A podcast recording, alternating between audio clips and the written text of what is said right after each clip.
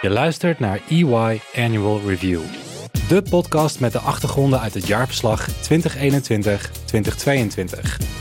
Reporting gaat niet alleen over terugkijken, maar ook over vooruitkijken. Hoe gaat EY haar doelen realiseren? Wat zijn de strategieën? En welke acties zijn georganiseerd om die te halen? In een serie van drie afleveringen hoor je alles over hoe EY waarde creëert voor klanten, maatschappij en medewerkers. En meer nog, het bestuur van EY, bij monden van de voorzitter Raad van Bestuur, komt hierbij zelf aan het woord. Wij informeren jou vandaag hoe cruciaal duurzaamheid is voor EY en welke rol EY speelt in de maatschappij. Je host is Felix Janssens. Fijn dat je luistert. Ik ben Felix Janssens. Voor mij zit Jeroen Davidson, voorzitter Raad van Bestuur van EY Nederland. Een van Jeroens specifieke aandachtspunten is ESG, dus alles rondom duurzaamheid, maar niet alleen de environmental, maar zeker ook de sociale en bestuurlijke issues die daartoe horen. En overal de maatschappelijke betrokkenheid van de organisatie. Welkom Jeroen. Dankjewel. Mag ik je en jou zeggen? Uiteraard, ja, graag zelfs. Oké. Wanneer passeerde voor het laatst het onderwerp duurzaamheid als onderwerp in gesprekken met collega's en klanten? Um, ik denk uh, tien minuten geleden. Um, het is uh, duurzaamheid op het moment, uh, long-term value is een, is een onderwerp dat eigenlijk in alle gesprekken wel weer wel terugkomt. En letterlijk vanochtend heb ik nog een gesprek gehad met twee collega's over een, een proposal waar we mee bezig zijn voor een grote klant. En daar zit duurzaamheid ook helemaal verweven in, in, in onze voorstellen. En als het erop aankomt, wat is jouw persoonlijke doel, purpose daarin? Nou ja, dit, dat kan je zo groot en klein maken als je wil. Maar uiteindelijk gaat het erom dat je een betere wereld achterlaat dan, uh, dan, je, dan je gevonden hebt. Ja, ja. En dat is eigenlijk wel. Nou, dat is dan heel groot. dat is heel groot. je kan het nog wat kleiner groot. maken. Ja, en dan denk ja, ik, moet je. En dan denk ik, dan komt het altijd neer op, op wat, wat kan je doen als mens of als organisatie. En dat zijn. Uh, ja, dat zijn dan op zich kleinere stappen, maar ik denk alles bij elkaar leidt tot, uh, tot uh, een uh, stappen richting een, een beter, betere wereld. Die betere wereld achterlaten, dat klinkt ook als een de rol van redmeesterschap, hè, wat vaak gebruikt. Um, ook voor toekomstige generaties. Als je er zo over nadenkt, zou je duurzaamheid dan op een hoger abstractieniveau ook niet kunnen zien als onderdeel van human rights. Dat ieder mens en de volgende generatie recht heeft op, zo'n, op een betere wereld. Nou, ik, ik, ik, denk het wel, maar ik weet niet hoeveel uh, tijd we hebben voor deze podcast. Want dan zo komen we nog een heel, uh, hele filosofische, filosofische discussie. Ja. Nee, ik denk dat, dat, het, dat het heel belangrijk is dat wij, als we nadenken over rechten, mensenrechten, dat we ook toekomstige generaties meenemen. En dat is heel lastig. Dat is uh, conceptueel heel lastig om over na te denken. Maar dat is denk ik wel waar het over gaat. En tegelijkertijd is de, de, de praktijk van alle dag hypercomplex. En de, de impact die een organisatie als EY dan kan maken, of de rol die EY daarin kan spelen, hoe moeten we dat zien? Ik denk tweeërlei. Uh, aan de ene kant kan je, kan je kijken naar wat wij doen voor onze klanten. De core van onze business. We adviseren, we controleren. Daar kunnen we heel veel betekenen. Wij kunnen onze klanten adviseren over strategische vraagstukken, over duurzaamheid. We kunnen ze helpen bij het implementeren van die strategie, dus in zeggen in een supply chain. En uiteindelijk, waar we natuurlijk ook heel goed in zijn, is het uh, assurance geven, het, het controleren en, en, en assurance geven op waarop gerapporteerd wordt. Dus de doelstellingen, of ze gehaald zijn of niet. Dus, dus dat is één kant van het verhaal andere kant is natuurlijk wat we zelf doen, wat we intern doen. We hebben een hele duidelijke ambitie om in 2025 uh, net carbon zero te zijn. Dus uh, niet meer CO2 uit te stoten dan uh, volgens het, uh, het Parijsakkoord, zeg maar de reductie. En wat er dan overblijft is te compenseren. Voorbeeld daarvan is dat we hebben gezegd vanaf 2025 zijn al onze leaseauto's, ons hele wagenpark elektrisch. Uh, het grootste deel van onze CO2-uitstoot zit hem in, uh, in mobiliteit, dus auto's en vliegen. En dat proberen we terug te dringen. Ja, daar zit ook denk ik een stuk gedragsverandering in. Want het is denk ik redelijk makkelijk in een COVID-periode om minder te reizen en minder mobiliteitsbeweging te ontwikkelen. Hoe gaan we dat in de toekomst organiseren? Nou, dat, dat is inderdaad een grote uitdaging. We hebben gezien in de COVID-periode dat het kan. De kunst is om dat vast te houden. Nou, enerzijds, ja, wat ik zeg, die, die, zeg maar, die automobiliteit via elektrisch rijden. En, en vliegen, dat, dat wordt een uitdaging. Dat is natuurlijk heel minimaal geweest tijdens de COVID-periode. En we zien het nu weer oplopen. Logisch, ehm, iedereen wil elkaar ook weer even zien, maar dat moeten we dan wel op de lange termijn uh, in de juiste proporties brengen. Ja. Voor jezelf uh, moeilijke afwegingen? Wel of niet vliegen? Ik vind het hele moeilijke afwegingen. En ik zal je zeggen, ik uh, recent voor een groot project een paar keer het vliegtuig moeten pakken, reizen voor korte, voor een paar dagen een end weg. het zijn allemaal afstanden die niet met de trein te doen zijn of met de auto. Maar dan heb ik toch wel het idee, moet dit nou echt? Is dit echt nodig? Nou ja, dan maak je die afwegingen en de ene keer moet het echt. En de andere keer denk je, nou, dit kan ook via, via de telefoon.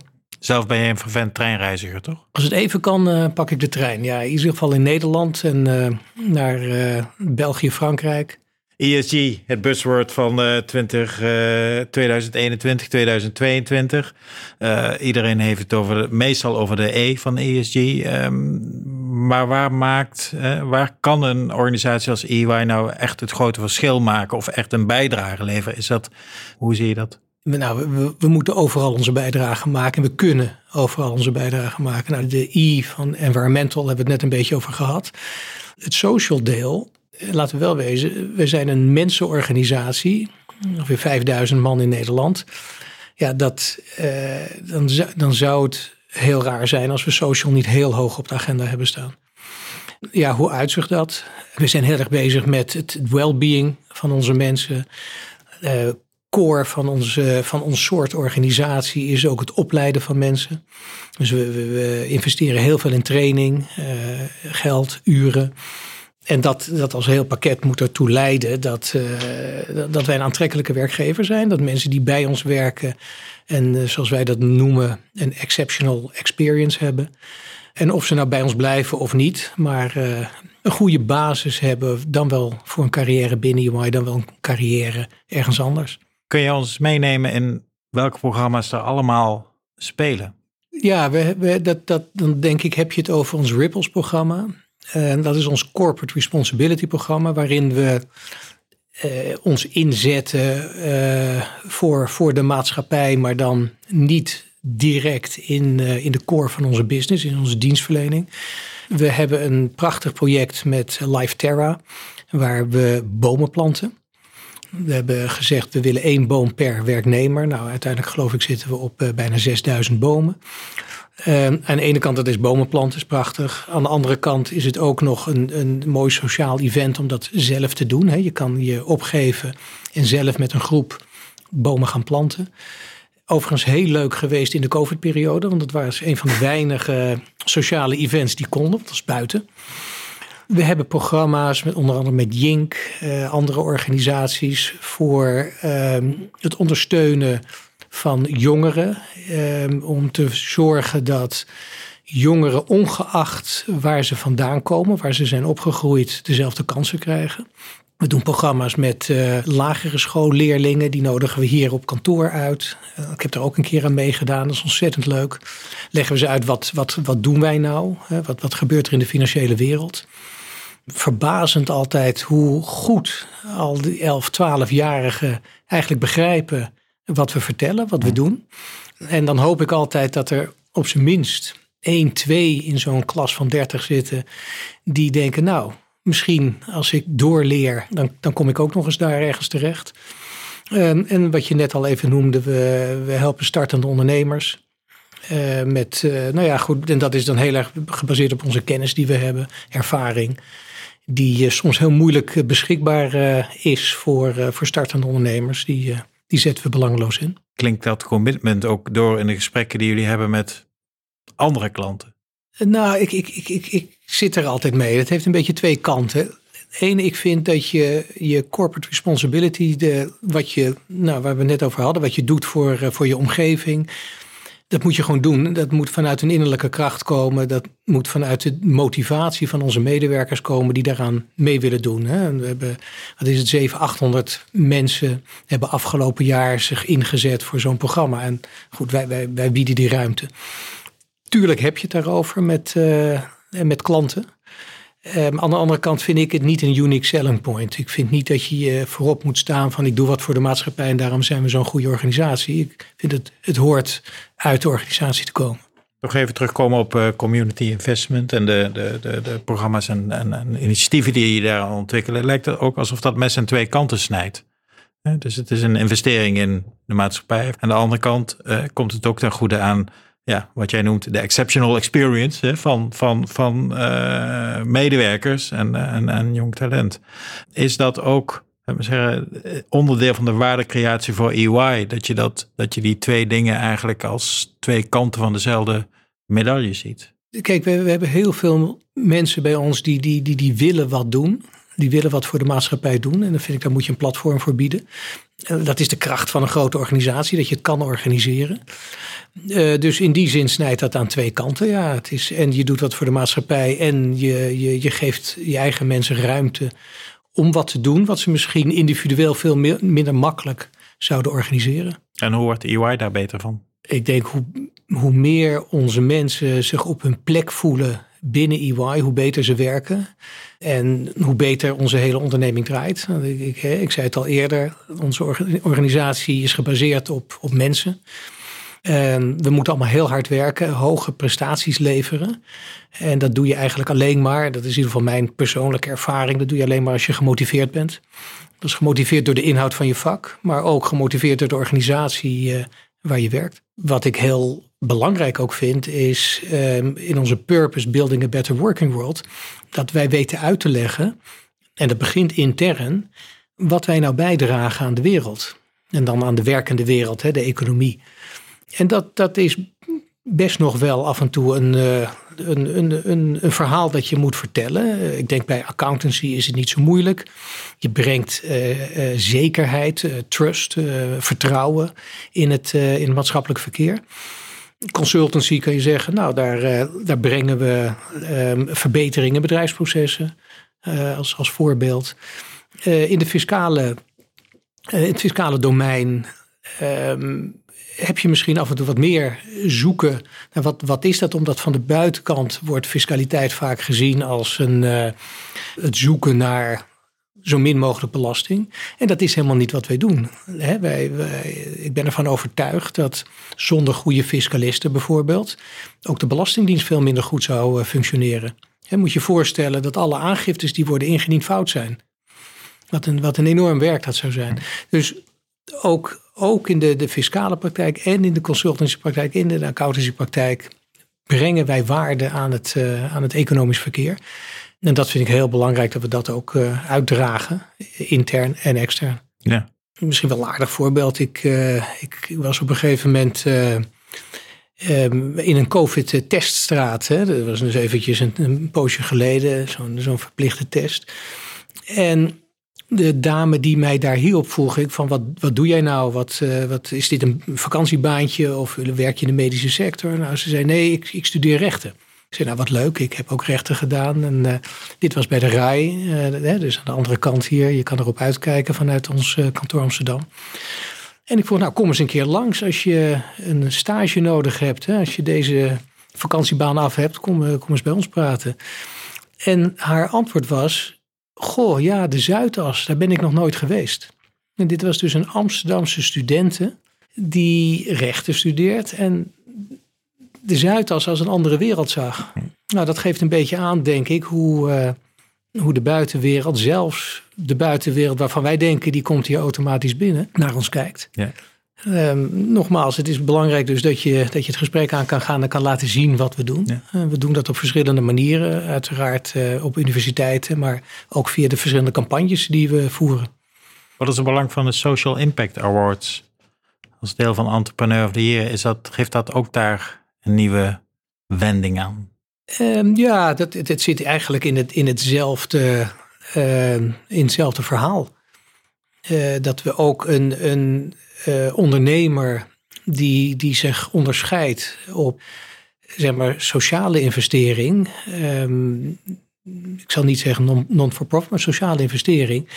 Zich, uh, zich onderscheidt. En dat we die ook uh, in, in, het, in het zonnetje zetten. Naast, uh, noem het maar, de meer traditionele mm ondernemers. Mm En dit was een prachtig voorbeeld van een ondernemer die um, ovens maakt uh, die veel en veel efficiënter en gezonder zijn voor, voor Afrika, India, uh, arme gezinnen die, die thuis op een uh, hout binnen, binnen koken.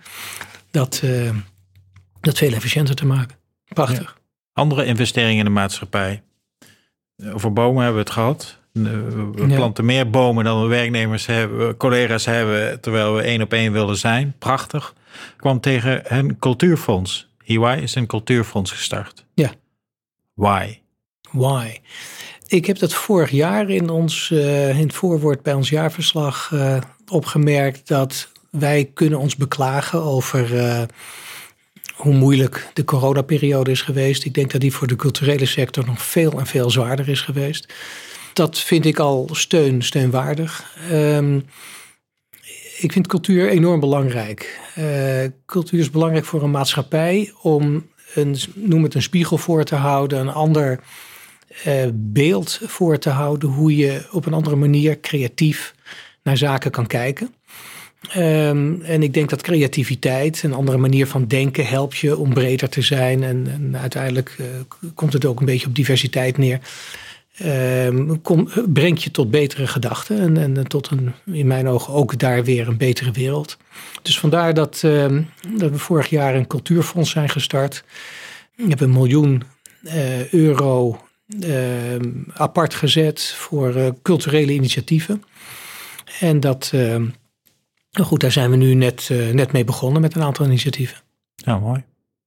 Cultuur, sport, dus we investeren in de maatschappij, maar we zijn ook sponsor uh, van de Nederlandse Padelbond. Komt ook ten goede aan uh, iedereen die een balletje wilt mappen. Bijvoorbeeld padel, dat is een mooie jonge sport, heel toegankelijk, heel laagdrempelig.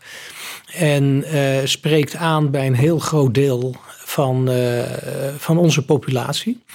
De gemiddelde leeftijd bij EY is, nou, ik denk 35, 36. Dus heel veel jongeren. En ja, padel is wel een opkomende sport. Uh, zeker, uh, zeker bij jongeren. Uh, zeker ook onze inkoopmarkt, onze recruitmentmarkt. Dus daar dachten we, als we dan weer sport gaan doen, dat, dat, dat, verbindt zich ook heel makkelijk met, met well-being. Want we vinden het ook belangrijk dat we gezond zijn. Nou, gezonde geest, gezond lichaam um, vond ik dit een hele logische keuze toen dit voorgesteld werd. Mooi. Je, je, geeft het zelf eigenlijk al aan dat EY in feite ook een, een groot opleidingsinstituut is. Investeren jullie ook in het onderwijs, in universiteiten, in, in, in allerlei andere vormen van educatie in Nederland? Ja, en dat is best wel een controversieel onderwerp op dit moment. Ehm, we hebben een aantal medewerkers van ons partners en medewerkers die we de ruimte hebben gegeven om naast hun baan bij ons ook een wetenschappelijke carrière uh, na te streven, te volgen. Dat zijn een aantal hoogleraren ook bij de universiteiten. Uh, wij geven ze de ruimte, dat betekent ook de financiële ruimte. En ja, dan krijg je de vraag, wij doen dat vanuit enerzijds de medewerker, de partner, die zegt: Ik, wil, ik heb andere ambities naast, naast het werk. Ehm, vanuit de wetenschappelijke kant het is een goede kruisbestuiving tussen praktijk en wetenschap. En wat ons betreft, uh, wij stellen daar uh, universiteiten mee in staat om ook mensen uit de praktijk voor de klas te zetten, zullen maar zeggen. En onderzoek te laten doen. Dus dat, dat is de insteek. Uh, en ja, goed, dan, de, de huidige discussie is over, ja, kan dat? Is dat voldoende onafhankelijk? Nou, uh, van ons uit, we geven onze medewerkers alle vrijheid. Um, maar goed, dat, daar moet je wel op vertrouwen natuurlijk. Ja, mijn vraag was waarom het niet controversieel is. Maar je geeft er al aan waarom, het, waarom dat, dat niet controversieel hoeft, hoeft te zijn. Weet je, ik denk dat er heel veel uh, zaken in de maatschappij zijn die staan of vallen met vertrouwen. En het vertrouwen moet gewonnen worden, hè? maar als er geen vertrouwen is, dan is het heel moeilijk uh, te accepteren dat mensen verschillende petten op hebben en die kunnen scheiden. Op het moment dat dat vertrouwen er is, maar goed, dat moet je wel bewijzen, dan kan het denk ik heel goed en dan kan het ook een enorme toegevoegde waarde hebben. Is daarmee vertrouwen ook de bron van ontwikkeling of eh, de bron van progressie in die zin? Ja, in zekere zin wel. Ik denk dat je zonder vertrouwen, eh, of het nou vertrouwen in een ander is of op zijn minst vertrouwen in jezelf, eh, neem je geen risico, durf je geen stappen te nemen. En ik denk dat je risico moet nemen, stappen moet nemen om vooruit te komen. En dat, uh, daar is dus vertrouwen in mijn ogen een, een onderdeel van. Mooi. Ik was even benieuwd naar wat zijn, zijn er ook worries, zou ik maar zeggen, waar je denkt van nou, dat zijn nog wel uitdagingen uh, die, we, die, we, die we voor ons zien waar we iets mee moeten. Nee, natuurlijk, er zijn genoeg uitdagingen. Ehm, het, het, begint er al mee dat alle initiatieven die je neemt, leiden die dan tot het uh, gewenste resultaat? Uh, gaat het, is het voldoende zichtbaar? Doet het genoeg? Spreekt het aan? En als je het op dat vlak ziet, kijk, waar wij een tekort aan hebben, is mensen. En dan zijn wij niet de enige. De hele maatschappij heeft een tekort aan werknemers. Wij ook. Dus des te belangrijker dat al dit soort initiatieven bij elkaar leiden tot een, nou, wat we het net over hadden, een exceptional experience voor de mensen die bij ons werken. En een aantrekkingskracht voor mensen die nog niet bij ons werken. Um, ja, gaat het allemaal lukken? Dat is, uh, dat is natuurlijk altijd onzeker. Maar ik denk dat we de goede stappen nemen om, uh, om daar uh, ja, een, een gezonde organisatie ook voor de toekomst te hebben. Dit was EY Annual Review. Luister ook naar de afleveringen met Patrick Gabriels en Saskia van der Zanden. Met hun inzichten en achtergronden bij de business en war on talent. En vergeet niet het hele jaarverslag van EY te lezen. Daarin vind je alle feiten en cijfers op een rijtje en lees je hoe EY lange termijnwaarde creëert.